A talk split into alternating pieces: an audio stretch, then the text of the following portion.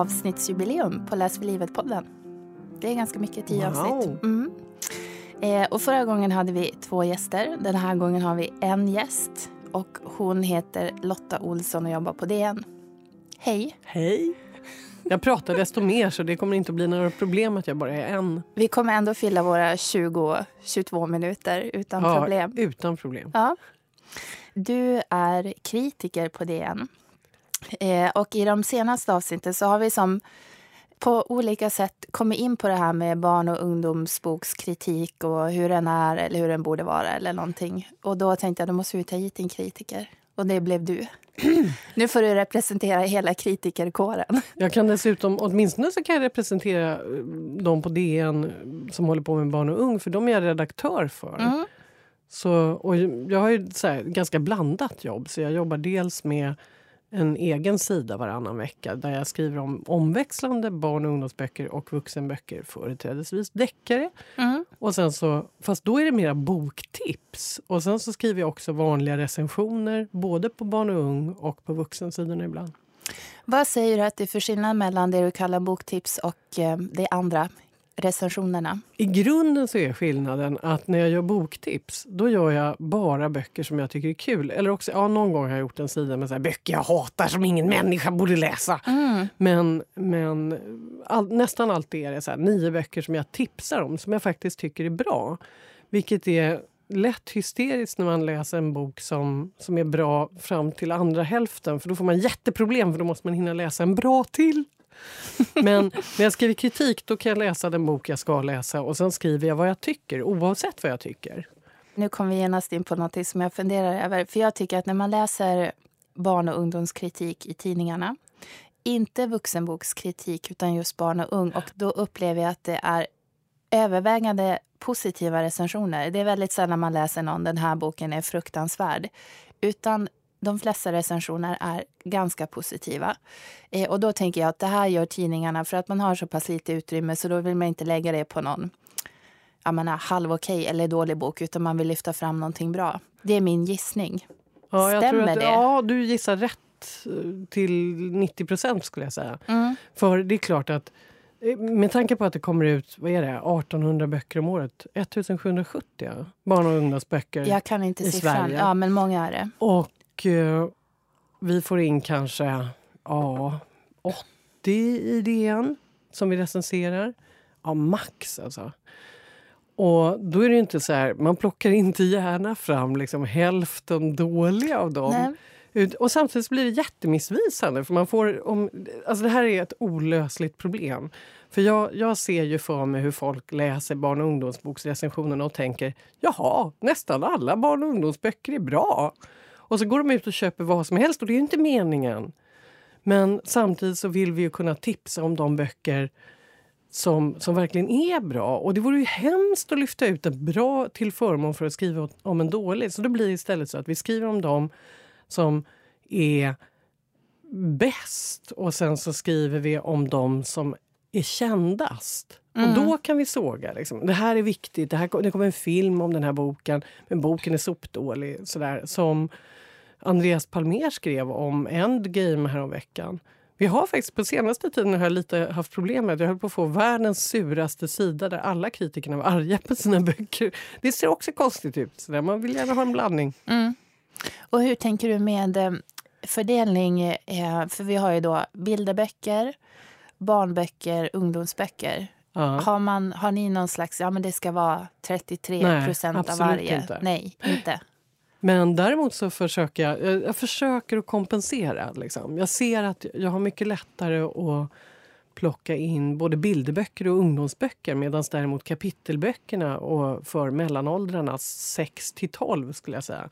De är kraftigt underrepresenterade nästan jämt. Och där försöker jag.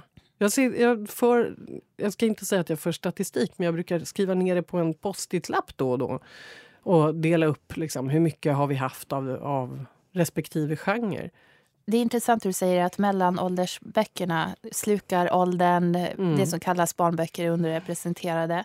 Eh, för det är inte bara i DN utan överlag när man Mm. ser recensioner. Jag säger det för att jag själv har skrivit två såna böcker senast. Så jag tycker att det är som om man tänker att det är ett litet utrymme i stort för barn och ungdom så är det ett minimalt utrymme för Ja. den åldern. Det blir inga tidningsrecensioner på de böckerna.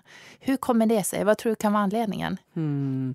Det har varit en period av ganska dålig kvalitet i de Mm. genrerna.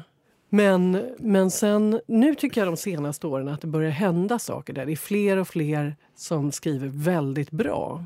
Men experimenten finns ju ibland. Det finns jättemycket experimentella bilderböcker Mm. och det finns ganska många bra och experimentella ungdomsböcker. Men det finns inte riktigt för mellanåldrarna. Det, eller det finns för få. Jag tycker det har kommit fler, men det, det är fortfarande en bit kvar till de andra nivån för de andra genrerna. Mm.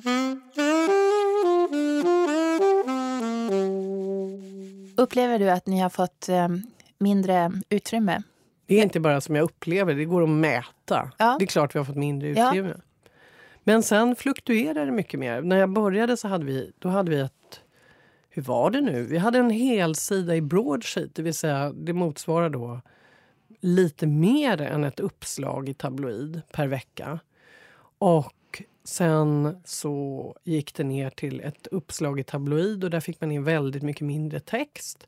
Och sen gick det ner till en sida i tabloiden och nu är det sådär... Nu beror det på annonstillströmningen. Jag får reda på på fredagen hur mycket jag får in i tidningen på lördagen. Mm. Och ibland är det en recension och ibland är det ett uppslag. Så Mm. jag vet inte i förväg. Och jag kan inte, jag kan inte räkna med ett visst fast med. Den tiden är över. Och det kan inte de andra heller, det är på vuxensidorna. Får man någon motivering till att det går ner? Är det som ja, men de, läsarna läser inte det här, det är inte populärt innehåll? Alltså, Nej, nej, nej, det är ekonomi. Det är, det är just det där. Vi, alltså, vi gör ju en kulturdel som är en slankig liten trasa i jämförelse med när det var som störst, när det var Mm. som tjockast. Liksom. Det, tidningarna har ju dragit ner ganska mycket på utrymme. Det har alla tidningar gjort. Och det måste vi göra av ekonomiska skäl. Vi måste kunna göra en tidning som är lönsam. Och jag tycker inte att vi har missat så mycket kvalitet i förhållande till hur mycket kvantitet. Förstår du vad jag menar? Att, Mm. alltså vi har dragit ner ganska mycket utrymmesmässigt men kvalitetsmässigt är det inte så mycket som har gått förlorat, tycker jag. Men sen är det ett ständigt krig. Alltså det, jag vet musikkritiker som nästan tuggar på mattorna av ilska över att det bara är böcker överallt. Medan vi som håller på med böcker är så här, men det är ju inga böcker alls! Och sen så blir ja, konstkritikerna vansinniga för att konsten får för lite utrymme. Det är så mycket som ska samsas på dessa få sidor. Men jag tycker att det blir... Nu är jag ju såklart partisk för att jag tycker att det är så Äh? lite. Men det alltså de här veckorna när det är faktiskt en recension och så är det annonser. Och så Mm. Ja, tänker man, jaha okej, jättedeppigt. det var den recensionen. Eh, och då upplever jag Mm. det är ju verkligen så himla lite. Och då kan man ju, även om det är en recension som är skriven med kvalitet så kan jag ändå inte känna bara, ja men nu är jag, nu är jag nöjd för det här var bra. inte. Och jag Samtidigt- tänker med sorg på den här tiden för länge, länge sedan. Nu kommer jag inte ihåg när det var. Jag tror det var 80-talet. När de gjorde barnboksbilagor till jul. De gjorde en hel bilaga med bara barnboksrecensioner. Ska vi gråta en stund? Vilken dröm. För det har ju varit otroligt populärt senaste året att prata om hur viktigt det är med just läsning och Mm. barns läsning. På alla fronter, i alla Ja. forum, alla avsändare. Ja. Politiker och skolan och um, kultur och allt Ja. möjligt. Liksom. Och sen så blir det... Jag tycker steget är så långt från att gå från den stora målsättningen till att ja, men praktiskt så blir det fortfarande väldigt, väldigt lite utrymme. Mm. Men sen kan man i och för sig då diskutera om det finns andra sätt att göra det på som kanske skulle vara en annan lösning. Jag försöker ju att rädda hem en del. När det har varit väldigt lite barnboksrecensioner så försöker jag göra en av mina tipssidor där det är i alla fall nio tips. Och då är det i alla fall nio böcker med. Och det är kul liksom. Men man får, ja, man, man får jobba mer så tror jag. Jag ska försöka lämna mitt bittra spår här. Med utrymmet. Hur tänker man när man ska skriva en recension? Hur är en bra recension? Ja, en gång sa jag att en bra recension är som konsumentupplysning. Och så tänkte jag att det var väl en himla tur att kollegorna inte hörde mig. För jag vet inte om de tycker att det är så. Men jag tycker, jag tycker nog att det är så. Man ska Och kunna läsa en bra det att- recension. Ja, men en bra recension ska tala om precis hur den här boken är.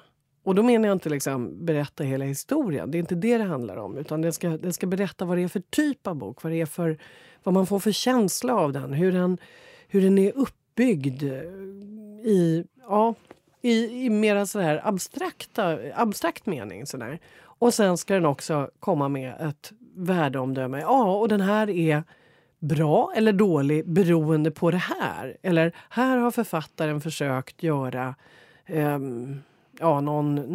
Nu försöker jag tänka efter vad det kan vara. Så här. här har författaren försökt göra en kärlekshistoria men den funkar inte riktigt för att... eh, Ja, vad det nu kan vara. Liksom. Mm. Men man måste också motivera verkligen. Varför funkar det inte? Mm. De som recenserar böcker åt er, vad har de för jobb? Alltså, vad gör de? Ja, vad gör Förutom de? att de recenserar böcker. Är det författare? Är det andra journalister? Det är journalister. Litteraturvetare? Ja, alla tre skulle jag säga. Ja. Författare, journalister, litteraturvetare är väl ungefär de grupperna vi har. Mm. Nu känner jag att jag säkert glömmer något viktigt. Men ja, en forskare då. Mm. Och hur blir man recensent? Hur, hur börjar man skriva litteraturkritik? Ja ja, men det är jätteolika. Det är verkligen, alla slingrar sig fram på olika sätt. Det finns folk som... Ett bra sätt, om man vill bli recensent så ska man skicka en provrecension. Och, eller helst flera. Liksom. Så kan man, det, för det har hänt att jag har... Ett par recensenter har jag rekryterat på det sättet. att Jag har jag vet att de är intresserade och så ber de försöka. Och säger ja, vi provar, vi ser vad som händer. Behöver man vara... Nu igen, jag pratar inte specifikt om det än utan jag tänker barn och ungdomskritik i stort. Att jag tycker ofta att folk kanske inte har så jättebra kunskaper på området. Ja, ibland blir man Typ, man läser förskräckt. bara det här och som, ja men den här boken och så Ja. har man inte riktigt kanske fattat genren, man är inte uppdaterad om hur, Ja. hur böcker är nu för tiden. hemskt. Och så som insats så blir man bara, då tappar man ju förtroende Ja, helt och hållet för, Verkligen. ja. Eh, Och då ska man tappa förtroende för den recensenten, men Ja. inte för tidningen. nej, för det tror jag, ja, men det händer ju hos oss också. Det är klart att man trampar i klaver. Liksom. Och det är det som gör att eh, det, det är vissa genrer, framförallt de här undergenrerna som är de här mm, fantasy, skräck och sånt. Där kan läsarna så himla mycket. Och recensenten ska oftast kunna lite om en massa olika genrer. Men det är så himla lätt att, att trampa i klaveret så det tjongar om det. mm, Man kan inte... Man kan inte stävja alla fördomar. Man kan inte stoppa allt som skulle kunna vara fel. Liksom. Mm. För den tiden har vi inte riktigt längre. Mm. Det går för fort numera. Det har varit lite diskussion om kritik den senaste, kanske senaste året. Kritik i allmänhet, vuxenbokskritik och allt sånt där. Och de förändrade arbetsvillkoren för kritikerna. Att Mm. nu är det mycket tajtare om tid och allt ska gå så snabbt och sådär. Och att för en eh, vuxenkritiker, om man får att du har det här uppdraget, du ska recensera den här boken, så har författaren skrivit två böcker innan. Då läser man dem också för att kunna sätta sig in i det Ja. och så läser man den nya boken. Funkar det samma med barn och ungdomskritik? Nej, det där är ju faktiskt ett problem. Det, det, jag drar mig för att lägga ut för tjocka böcker eller just där det innebär att man måste kunna det tidigare på Mm. en frilansare. För att jag känner att vi betalar för dåligt för det. Det går inte. Och så vet jag att de gör på vuxensidorna också. Att de är, det, det är vi som är fast anställda som får ta den smällen liksom, och Mm. läsa väldigt mycket på fritiden. Men, men det, vi har i alla fall en månadslön att falla tillbaka på. Man kan inte liksom svälta ihjäl en kritiker genom att tvinga dem att läsa en tio delars serie eller så. Mm. Så det blir mer fokuset att ja, men ta den här boken och det gör ju då att man kan kanske missa Ja. lite av Absolut. tidigare. Ja.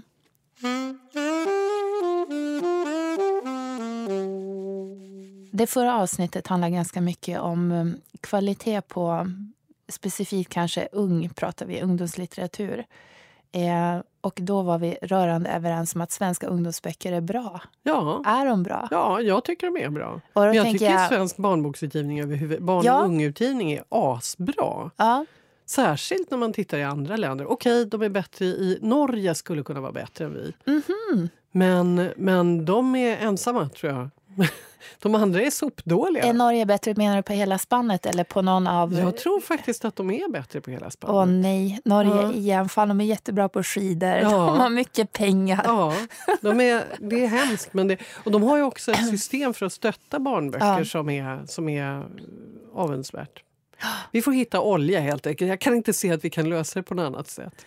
Alltså det, jag tänkte på det. Jag gjorde en sida om bilderböcker i DN i lördags. En egen sida, en sån här boktipssida. Och så, så satt jag där och gnällde för mig själv och tyckte så här, ja men det är så hemskt, vi får aldrig mer tillräckligt på sidorna. Och så tänkte jag, ja nej, men det är himla skönt alltså. Det skulle kunna vara tvärtom. Det skulle kunna vara så att man var så här, ja det här är jättedåligt men vi får väl skriva om det ändå för vi måste fylla ut med någonting. Och istället så är det så här, det finns så många bra böcker som man önskar att man fick göra den där barnboksbilagan varje vecka. Är det någonting som du tycker att vi saknar i Sverige? Det här borde vi skriva om eller på det här sättet borde vi skriva eller någonting sånt. Du menar författarna? Ja, Mm. eftersom du har en väldigt stor överblick över utgivningen. Ja, nej men det är, ja, det är mina specialintressen. Då jag skulle vilja ha fler stora fantasyromaner och fler författare som var som Carol Rifka Brandt. Och ja, det, mer, mera... Alltså det, kan bli, det, det tycker jag är ett problem med ungdomsboken. Att det kan bli lite för... Um, lite för o, opassionerat. Jag vill ha mera... Det ska vara, det ska vara full fart. Mhm. Jag tänker lite mer amerikanskt, för jag tycker att de amerikanska Ja. ungdomsböckerna är lite mer så. Är de inte det? Ja, det kanske det är. Ja, engelska också. Men engelska kan också vara så där som man, som man trillar baklänges. Liksom. Jag vill ha sånt. Mm. Jag gillar när man trillar baklänges i böcker. Mm.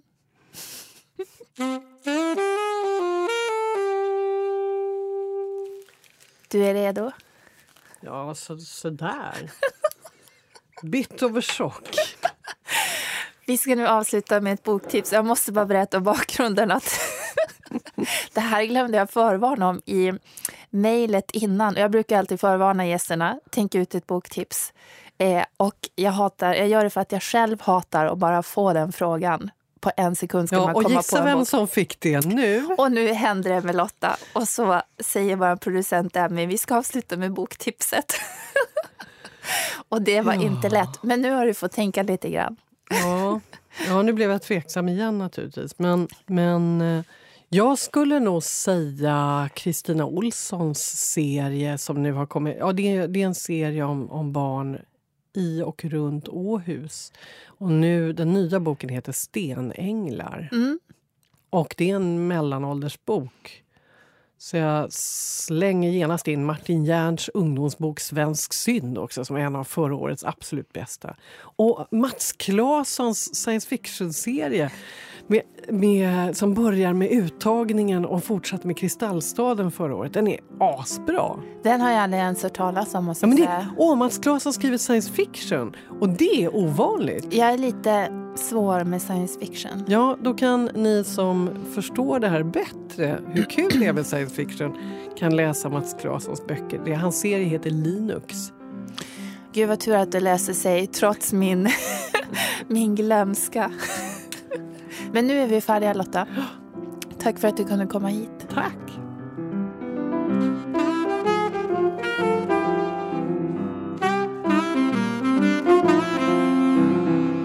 Läs för livet görs av produktionsbolaget Munk